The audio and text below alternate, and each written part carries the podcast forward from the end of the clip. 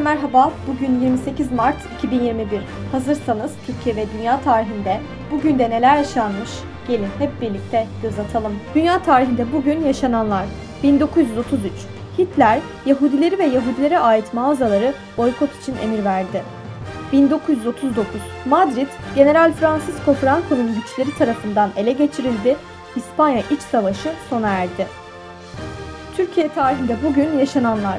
1930. Türkiye hükümeti yabancı ülkelerden Türkiye'deki şehirleri için Türkçe adlarını kullanmalarını resmen talep etti.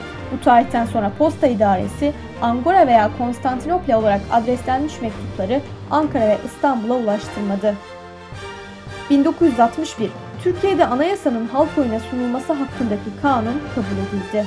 1966 Cemal Gürsel'in Cumhurbaşkanlığı süresi bitti, yerine Cevdet Sunay Cumhurbaşkanı seçildi.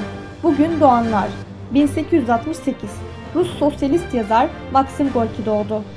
1938 Türk tiyatrocu Genco Erkal dünyaya geldi. 1968 Türk yazar, seslendirme sanatçısı ve televizyon sunucusu Yekta Kopan doğdu.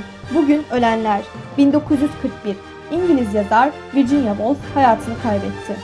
2005 Muğla yöresinin en ünlü türkülerinden, ormancının kahramanlarından Mustafa Şah Budak vefat etti.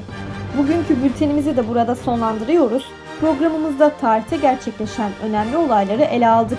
Yarın da tarihte neler olduğunu merak ediyorsanız bizi dinlemeyi unutmayın. Yarın görüşmek üzere.